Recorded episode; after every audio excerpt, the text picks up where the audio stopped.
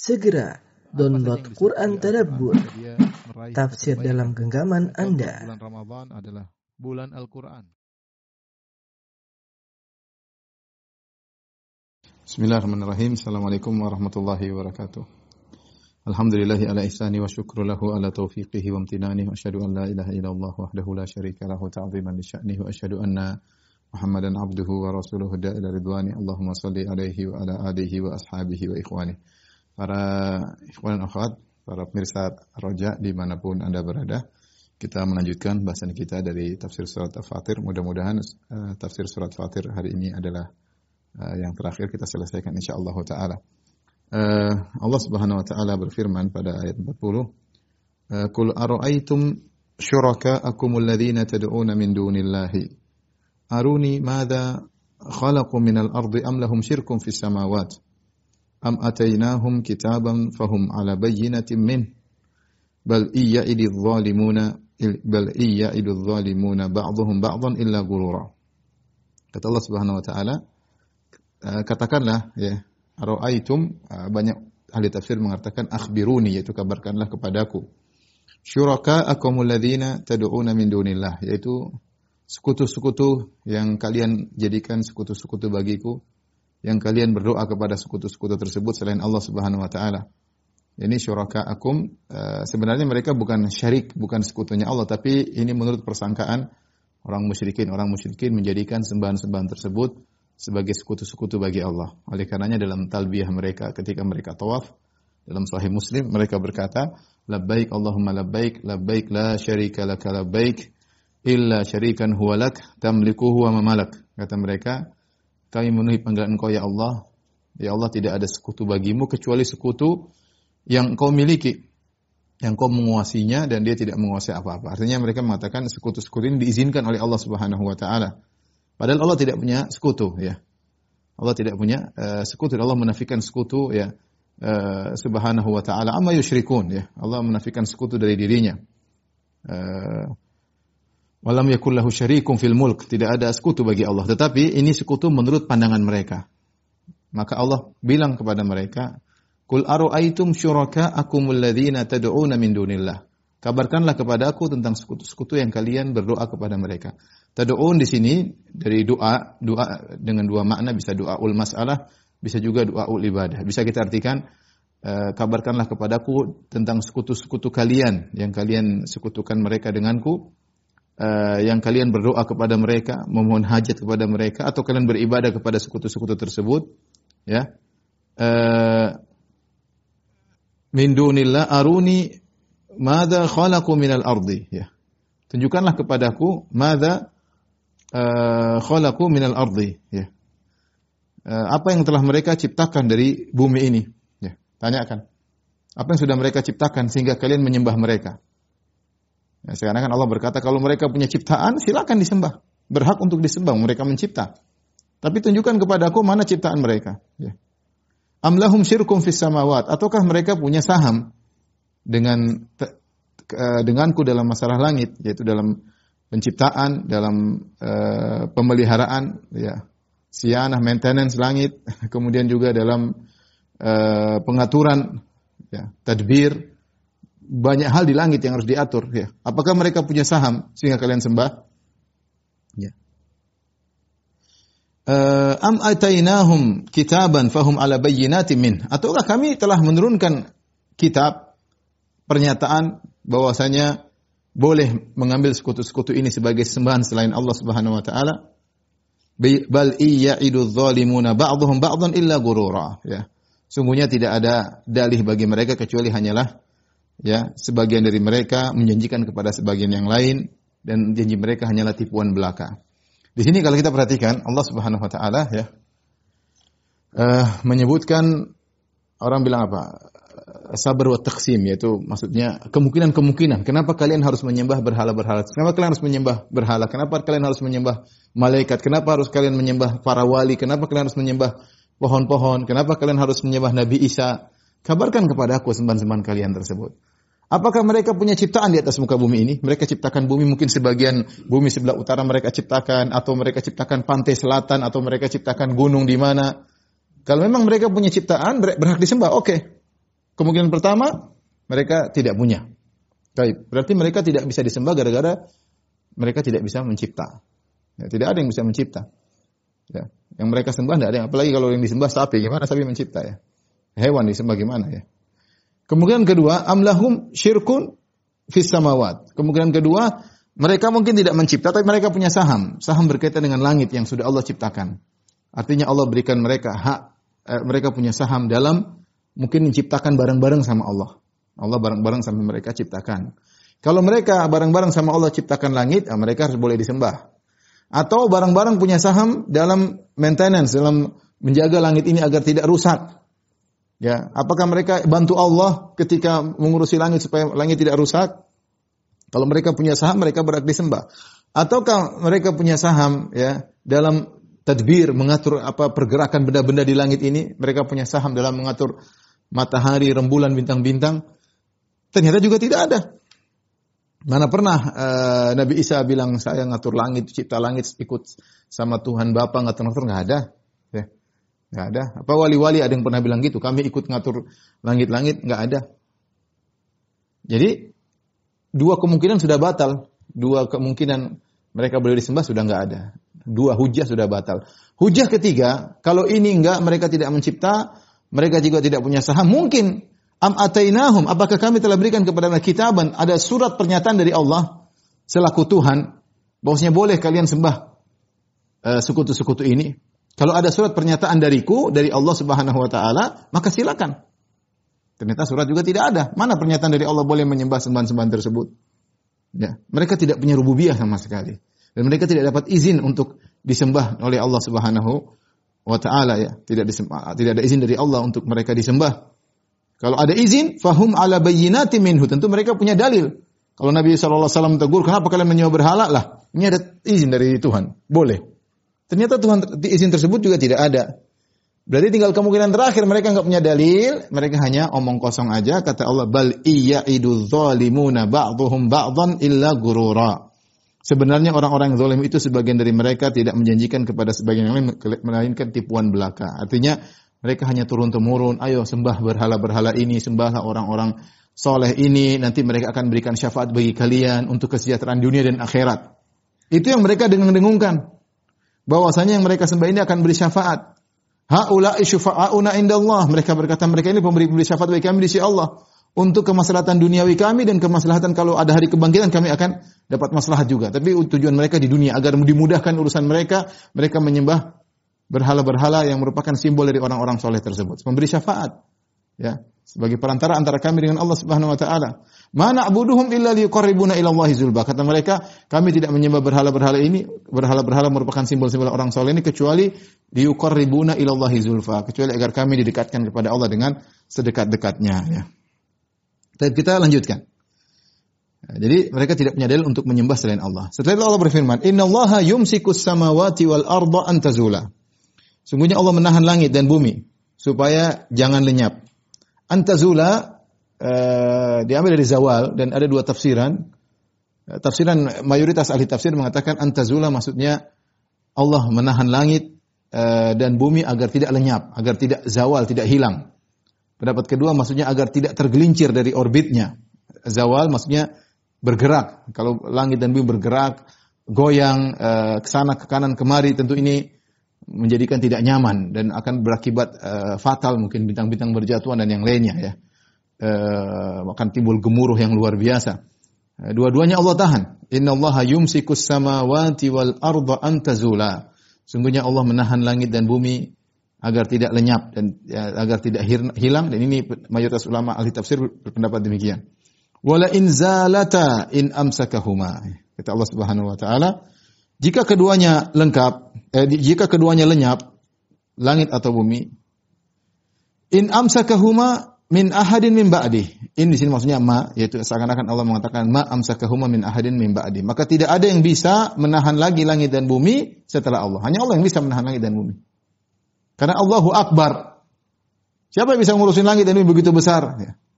Wala ya'uduhu hifdhuhuma. Tidak tidak merepotkan Allah untuk menjaga keduanya, langit dan bumi untuk mengurus langit dan bumi siapa yang bisa ngurus? Kita semua makhluk kecil. Dibandingkan bumi kita nggak ada apa-apanya, apalagi dibandingkan langit yang luar biasa dahsyatnya besarnya. Yang bisa mengurus langit dan bumi yang maha akbar, Allahu akbar.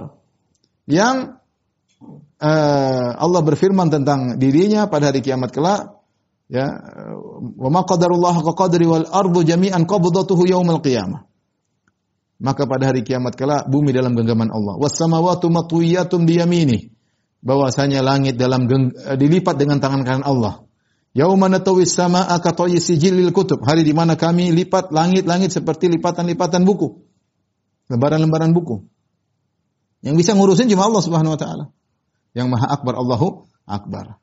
Maka eh, tidak benar perkataan sebagian ahlul bidah seperti Jahmiyah dan Mu'tazilah yang diikuti oleh Asy'ariyah yang mengatakan bahwasanya kalau Allah di atas langit berarti Allah butuh kepada langit dan Allah lebih kecil daripada langit. Ini hanya khayalan mereka. Gimana Allah lebih kecil dari langit? Allahu Akbar. Gimana Allah butuh langit untuk menaunginya sementara langit digenggam dalam dilipat dengan tangan Allah pada hari kiamat kelak. Allahu Akbar. Allah yang jaga semua. Ya. Wala in zalata in amsakahuma min ahadin min ba'dih. Kalau ternyata langit dan bumi lenyap, tidak ada yang bisa menjaganya lagi, tidak bisa menahannya lagi setelah Allah siapapun. Innahu kana haliman ghafura. Sungguhnya Allah Subhanahu wa taala adalah Maha Halim dan Maha uh, Ghafur. Apa ini maksud dengan Halim? Halim maksudnya Allah Subhanahu wa taala uh, mengakhirkan hukuman. Ya, Halim al-hilm maknanya adalah ta'khirul uqubah an mustahiqiha ya. Mengakhirkan bukan bukan meninggalkan tapi menunda hukuman. Bagi orang yang berhak mendapatkan hukuman siapa tahu dia sadar. Itu namanya halim. Tidak cepat membalas nanti aja. Siapa tahu dia berubah pikiran. Ya, di antara manusia yang bersifat halim adalah eh, Ibrahim alaihissalam. Ya. Eh, betapa beliau sabar bahkan ketika diusir oleh kaumnya dia tidak mendoakan keburukan bahkan mau dibakar oleh kaumnya beliau tidak mendoakan keburukan dan banyak kejadian-kejadian Nabi Ibrahim alaihissalam orang yang sangat uh, sangat sabar. Allah Subhanahu wa taala hamba-hambanya melakukan maksiat berulang-ulang. Tapi Allah Subhanahu wa taala halim. Allah menunda uh, supaya mereka bisa bertobat di kemudian hari ya. Al-Imam Qayyim dalam nuniyahnya berkata, "Fahuwal halimu fala yu'ajilu 'abdahu bi'uqubatin liyatuba min isyani." Dan dialah al-halim, maka dia tidak menyegerakan hukuman kepada hambanya agar sang hamba bertobat dari maksiat yang dia lakukan. Ya. Dalam hal ini Al-Alusi berkata rahimahullah taala yaitu Allah tidak menghukum orang musyrikin. Allah beri mereka waktu yang panjang supaya mereka bisa sadar. Di antara mereka ada yang tidak sadar, di antara mereka ada yang sadar. Kebanyakan, kebanyakan mereka sadar. Ya. Kebanyakan mereka akhirnya masuk Islam. Ya. Kemudian eh, Halim tadi ditunda hukuman ya eh, agar hamba Allah Subhanahu wa taala bertobat. Adapun ghafur, ghafuran ya, bahwasanya uh, Allah Subhanahu wa taala menutupi dosa-dosa hamba dan menjaga hamba agar tidak terkena dampak dari maksiat yang dia lakukan. Ini sudah sering kita sampaikan bahwasanya uh, ghafur dari kalimat maghfirah dan mikfar dalam bahasa Arab artinya helm yang dipakai oleh seseorang yang fungsinya adalah untuk menutup kepalanya dan untuk menahan dari Eh, pedang atau hantaman senjata musuh. Jadi dia punya fungsi dua, fungsi menutupi dan fungsi untuk eh, mencegah dampak dari eh, hantaman musuh. Maka jika seorang berkata Rabbi gufirli, Allahumma gufirli, ya, astaghfirullah, ya, itu maknanya ya Allah aku mohon maghfirah kepada engkau. Maksudnya ya Allah aku mohon kau tutup aibku ini ya Allah di dunia apalagi di akhirat. Dan ya Allah aku tahu setiap maksiatku pasti ada dampaknya. Maka lindungilah aku dari dampak maksiat yang aku lakukan. Itu maksudnya ya. Orang tatkala mengatakan astagfirullah atau gufranaka, astagfirullah gufranaka, rabbi gufirli, Allahumma gufirli ya. Ini semua maksudnya minta dua perkara, ya Allah tutupilah aibku ini, jangan kau umbar maksiat yang aku lakukan. Yang kedua, jagalah aku agar tidak terkena dampak dari maksiat. Karena maksiat pasti ada dampaknya, pasti. Paling tidak minimal menjadikan hati menjadi hitam ya. Seorang hamba jika melakukan maksiat nukitat fi qalbihi nuktatun sauda maka kalbunya ada titik hitam semakin banyak dia bermaksiat semakin hitam uh, kalbunya uh, tersebut. Oleh karenanya uh, dalam hadis yang sahih di mana ketika Allah menghisap seorang hamba dengan hisaban yasiran, Allah mengatakan kepada sang hamba Allah buka dosa-dosanya pada hari kiamat. Kemudian dia mengakui semua yang dia lakukan. Kata Allah, "Kuntu satartuha 'alaika fid dunya wa ana aghfiruha lakal yaum." Dulu di dunia aku menutupinya. Tidak ada yang tahu. Yang tahu hanya aku. Kau melakukan maksiat-maksiat ini yang tahu hanya hanya aku. Tidak ada. Satartuha 'alaika. Aku tutup uh, dosa-dosamu sehingga orang tidak ada yang tahu. Sekarang aku ampuni dosa-dosamu. Jadi Allah tutup aibnya di dunia dan Allah tutup aibnya di akhirat. Ketika Allah buka pun antara Allah dengan dia. Allah tidak buka di khalayak. Di dunia Allah tidak buka, di akhirat pun Allah tidak buka. Ini maka beruntunglah hamba yang suka beristighfar. Ya, tuba liman wajada fi sahifati istighfaran katsiran. Sungguh beruntung orang yang mendapati dalam catatan amalnya banyak sekali istighfar. Karena Allah akan menutup aibnya dan Allah akan uh, mencegah dia dari dampak maksiat dalam. Karena Sungguhnya eh, seorang salah mengatakan, saya tidak tahu nikmat mana yang paling besar bagiku. Nikmat beramal soleh atau nikmat ditutup aib. Dua-duanya adalah nikmat yang besar. Seorang diberi taufik untuk bisa beramal soleh, nikmat luar biasa. Dan seorang ditutup aibnya oleh Allah juga adalah nikmat yang luar luar biasa. Sebagian perkataan Muhammad bin Wasi, "Lau kana lidzunubi rihun ma jalasa ilayya ahad."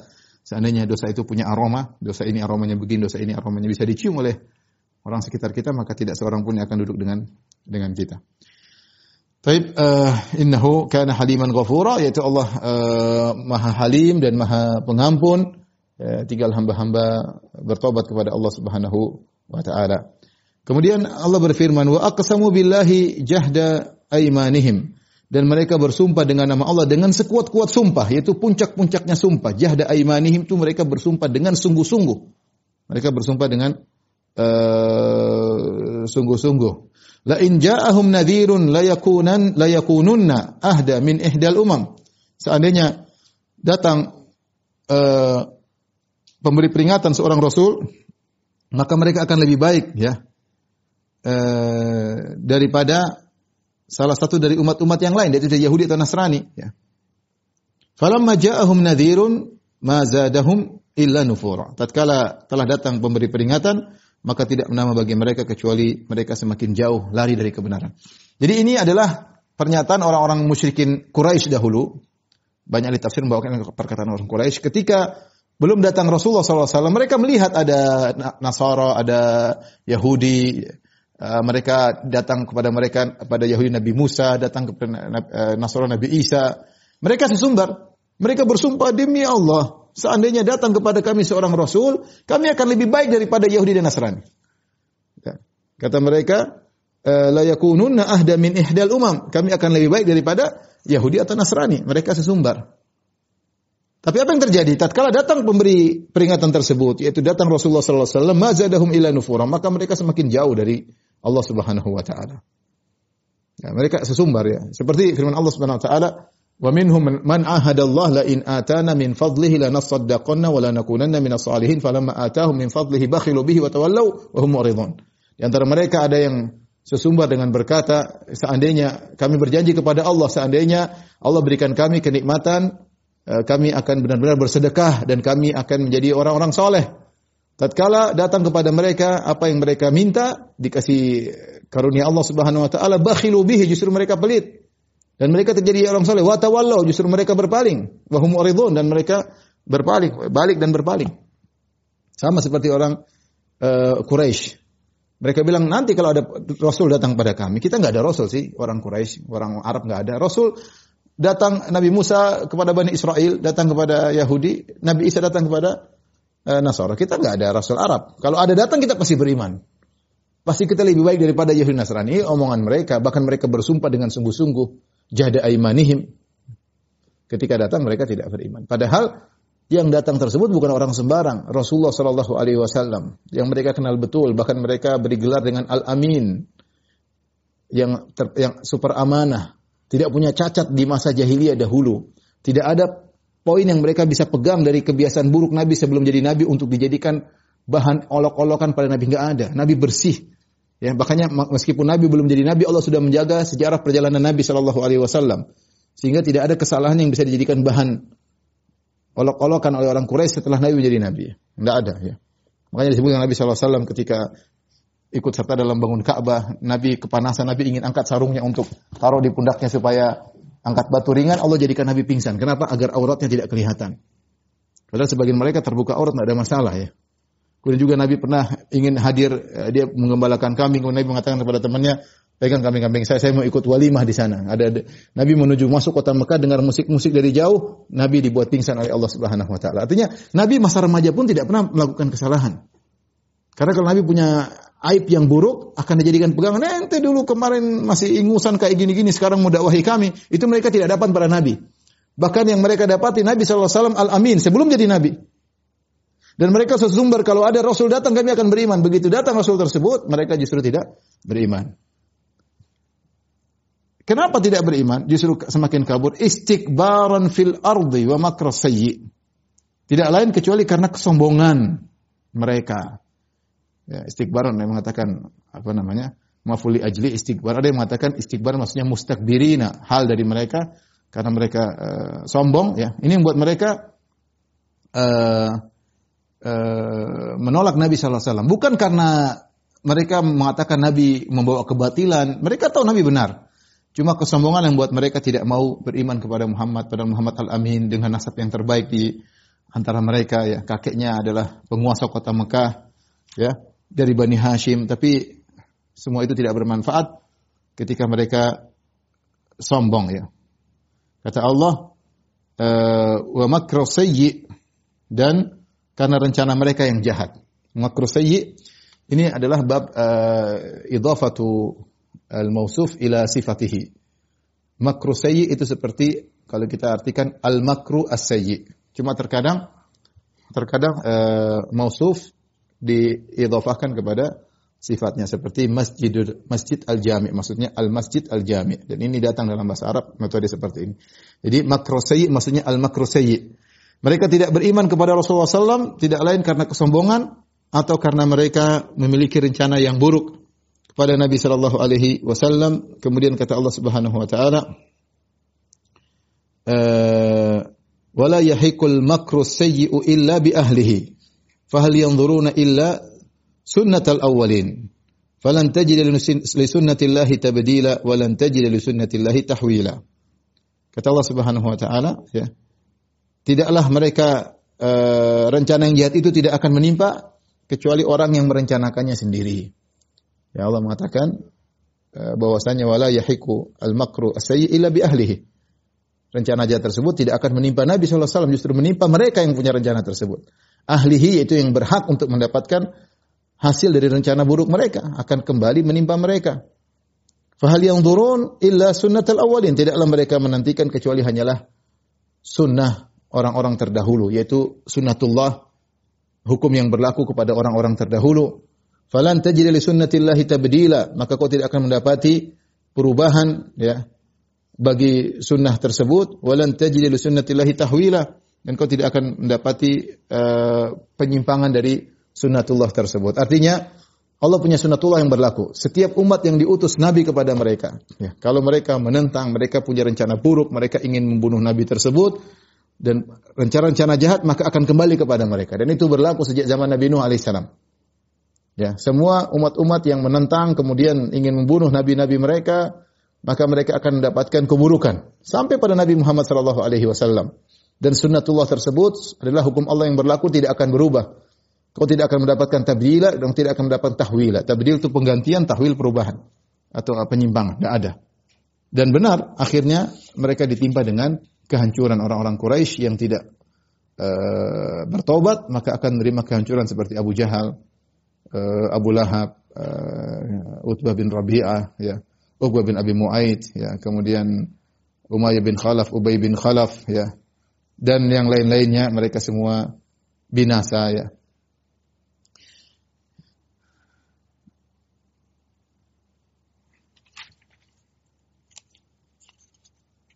Adapun makna wala yahiqu artinya wala yuhitu yaitu makar sayyi tersebut eh, apa namanya eh, makar yang buruk tersebut tidak akan meliputi kecuali pembuat kepada pembuat eh, makar. Kemudian Allah Subhanahu wa taala berfirman, "Awalam yasiru fil ardi fayanzuru kaifa kana aqibatu alladziina min qablihim." Tidakkah mereka berjalan di atas muka bumi dan apakah mereka tidak berjalan di atas muka bumi? Ya. Fayanzuru kaifa kana aqibatul ladzina min qablihim. Kemudian mereka melihat bagaimana kesudahan orang-orang sebelum mereka. Wa kanu ashadda minhum quwwah dan orang-orang sebelum mereka tersebut uh, lebih hebat daripada mereka. Wa ma kana Allahu liyu'jizahu min syai'in fis samawati wala fil ardi innahu kana aliman qadira. Tidak ada satu pun yang dapat melemahkan Allah baik di langit maupun di bumi. Sungguhnya Allah Maha mengetahui lagi Maha kuasa. Di sini Allah Subhanahu wa taala uh, menyuruh mereka untuk melihat apa yang telah terjadi. Allah sudah jelaskan, sunnatullah tidak berubah. Tidak ada tabdil, tidak ada tahwil. Nah, di antara bukti silakan kalian berjalan. Lihat bagaimana kesudahan orang umat-umat terdahulu dan kita tahu orang-orang kafir Quraisy mereka tinggal di Mekah. Di sekitar mereka ada bekas-bekas umat puing-puing umat terdahulu. Ada namanya uh, kaum Al-Ula di kota Al-Ula itu kaum Samud, masih ada sisa-sisanya. Mungkin di zaman dulu juga masih ada kaum Ad di daerah Al-Ahqaf antara Hadramaut dengan Oman ya, masih ada mungkin sisa-sisanya ya. Eh, mungkin mereka bisa lihat masih ada puing-puing tersisa di bekas Nabi kaum Nabi Lut ya. Artinya itu daerah dekat mereka semua. Allah mengatakan fasiru fil ardi. Awalam yasiru fil ardi, kenapa kalian tidak berjalan? Lihatlah. Kan ada kabar-kabar tentang kisah Fir'aun. Kabarnya jelas, kisahnya masih ditanyakan kepada orang Mesir bagaimana kisah Fir'aun. Kabar yang ma'ruf. Ya. Yang sampai ceritanya sampai mendunia sampai kepada orang-orang Quraisy. Itu sunatullah yang sudah berlaku. Allah jelaskan kepada mereka. Ya, artinya kalian mau bukti, eh, silakan berjalan. Awalam yasiru fil ardi. Fayanzuru kaifa kana aqibatul ladzina min qablihim. Lihatlah bagaimana kesudahan orang sebelum kalian. Perhatikan, kanu asyadda minhum quwwah. Bahwasanya orang-orang ini lebih hebat daripada orang Quraisy. Fir'aun dibandingkan Quraisy, Quraisy enggak ada apa-apanya. Abu Jahal apa yang dia punya si Abu Jahal? Enggak punya apa-apa. Abu Lahab Punya apa? Cuma tinggal di kota Mekah, jadi bos di kota Mekah, kota Mekah gersang, nggak ada apa-apa. Apa dibandingkan Fir'aun? Fir'aun punya inilah, punya kerajaan, punya bangunan yang hebat, punya sungai Nil, punya macam-macam. Ya. Bandingkan dengan kaum kaum Samud, kaum Samud punya gunung di, di lo, dijadikan di lubang, dipahat, dijadikan rumah tempat tinggal. Ya. Terus kalian apa yang kalian punya? Kekuatan juga enggak. Kalian lebih hebat mereka. Mereka lebih hebat daripada kalian wahai orang Quraisy, namun mereka juga binasa. Karena ada sunatullah yang berlaku. Siapa umat yang didatangi seorang rasul dan mereka membangkang, membangkang, membangkang maka apalagi ingin membunuh sang rasul maka Allah akan berikan makar sayyi tersebut niat niat buruk mereka akan kembali kepada kepada mereka. Kemudian kata Allah Subhanahu wa taala Wa ma kana Allahu liyu'jizahu min syai'in fis samawati wala fil ardi. Tidak satu pun di langit dan di bumi yang bisa melemahkan Allah. Kalau Allah ingin sesuatu, tidak ada yang bisa menghalangi Allah Subhanahu wa taala. Innahu kana aliman qadira. Karena Allah itu maha mengetahui dan maha uh, kudrah, maha berkuasa. Inilah kenapa tidak ada yang bisa menghalangi Allah Subhanahu wa taala karena terkumpul pada Allah dua sifat yang maha tinggi yaitu sifat uh, al-ilm, ilmu dan juga sifat kudrah, sifat uh, kekuasaan. Biasanya orang lemah tidak mampu melakukan itu karena salah satu dari kedua sifat ini tidak ada. Mungkin dia punya ilmu, tapi dia nggak punya kudrah untuk melakukannya. Ya. Orang bisa bikin rumah, iya saya bisa bikin rumah, saya bisa gambar, tapi nggak ada modal ya, nggak bisa jadi, nggak punya modal gimana mau jadi kontraktor untuk bikin rumah ya. Atau punya modal tapi nggak punya ilmu, punya modal punya kuat tapi nggak bisa. Untuk bisa mewujudkan sesuatu harus terkumpulkan padanya adalah ilmu dan kudrah. Makanya ketika Allah maha berilmu, ilmunya meliputi segala sesuatu, dan kudrahnya meliputi segala sesuatu, maka tidak ada satupun yang bisa melemahkan Allah. Apa yang Allah kehendaki, innama amruhu idza arada syai'an an yaqula lahu kun fayakun. Kalau Allah mengendaki sesuatu tinggal bilang kun fayakun karena semuanya dibangun di atas uh, ilmu yang maha uh, luas dan juga kekuasaan yang tidak terbatas, maha kudrah. Kemudian kata Allah Subhanahu wa taala ayat terakhir dari surat Fatir, "Walau yu'akhidullahu an-nasa bima kasabu ma taraka ala dhahriha min dabbah, walakin yu'akhiruhum ila ajali musamma. Fa idza jaa ajaluhum fa inna Allah kana bi'ibadihi basira." Kata Allah Subhanahu wa taala, ya. Jikalau sekiranya Allah menyiksa manusia, menghukum manusia diakibatkan perbuatan mereka, ma taraka ala dhahriha min dabah, maka tidak ada di atas muka bumi ini binatang melata yang tersisa. Ya, dabah di sini ada yang mengatakan maksudnya manusia itu sendiri. Karena dabah kalimat yang umum, kullu ma yadubu fil ard, yaitu semua yang berjalan di bumi, baik berkaki dua seperti manusia, berkaki empat atau berjalan dengan perut, Allah khalaqa kulla dabbatin mimma faminhum man yamshi ala batnihi wa minhum man yamshi ala rajulain wa minhum man yamshi ala arba. Allah sebutkan uh, ada di antara dabah yang berjalan dengan dua kaki, ada yang berjalan dengan empat kaki, ada yang berjalan dengan perutnya.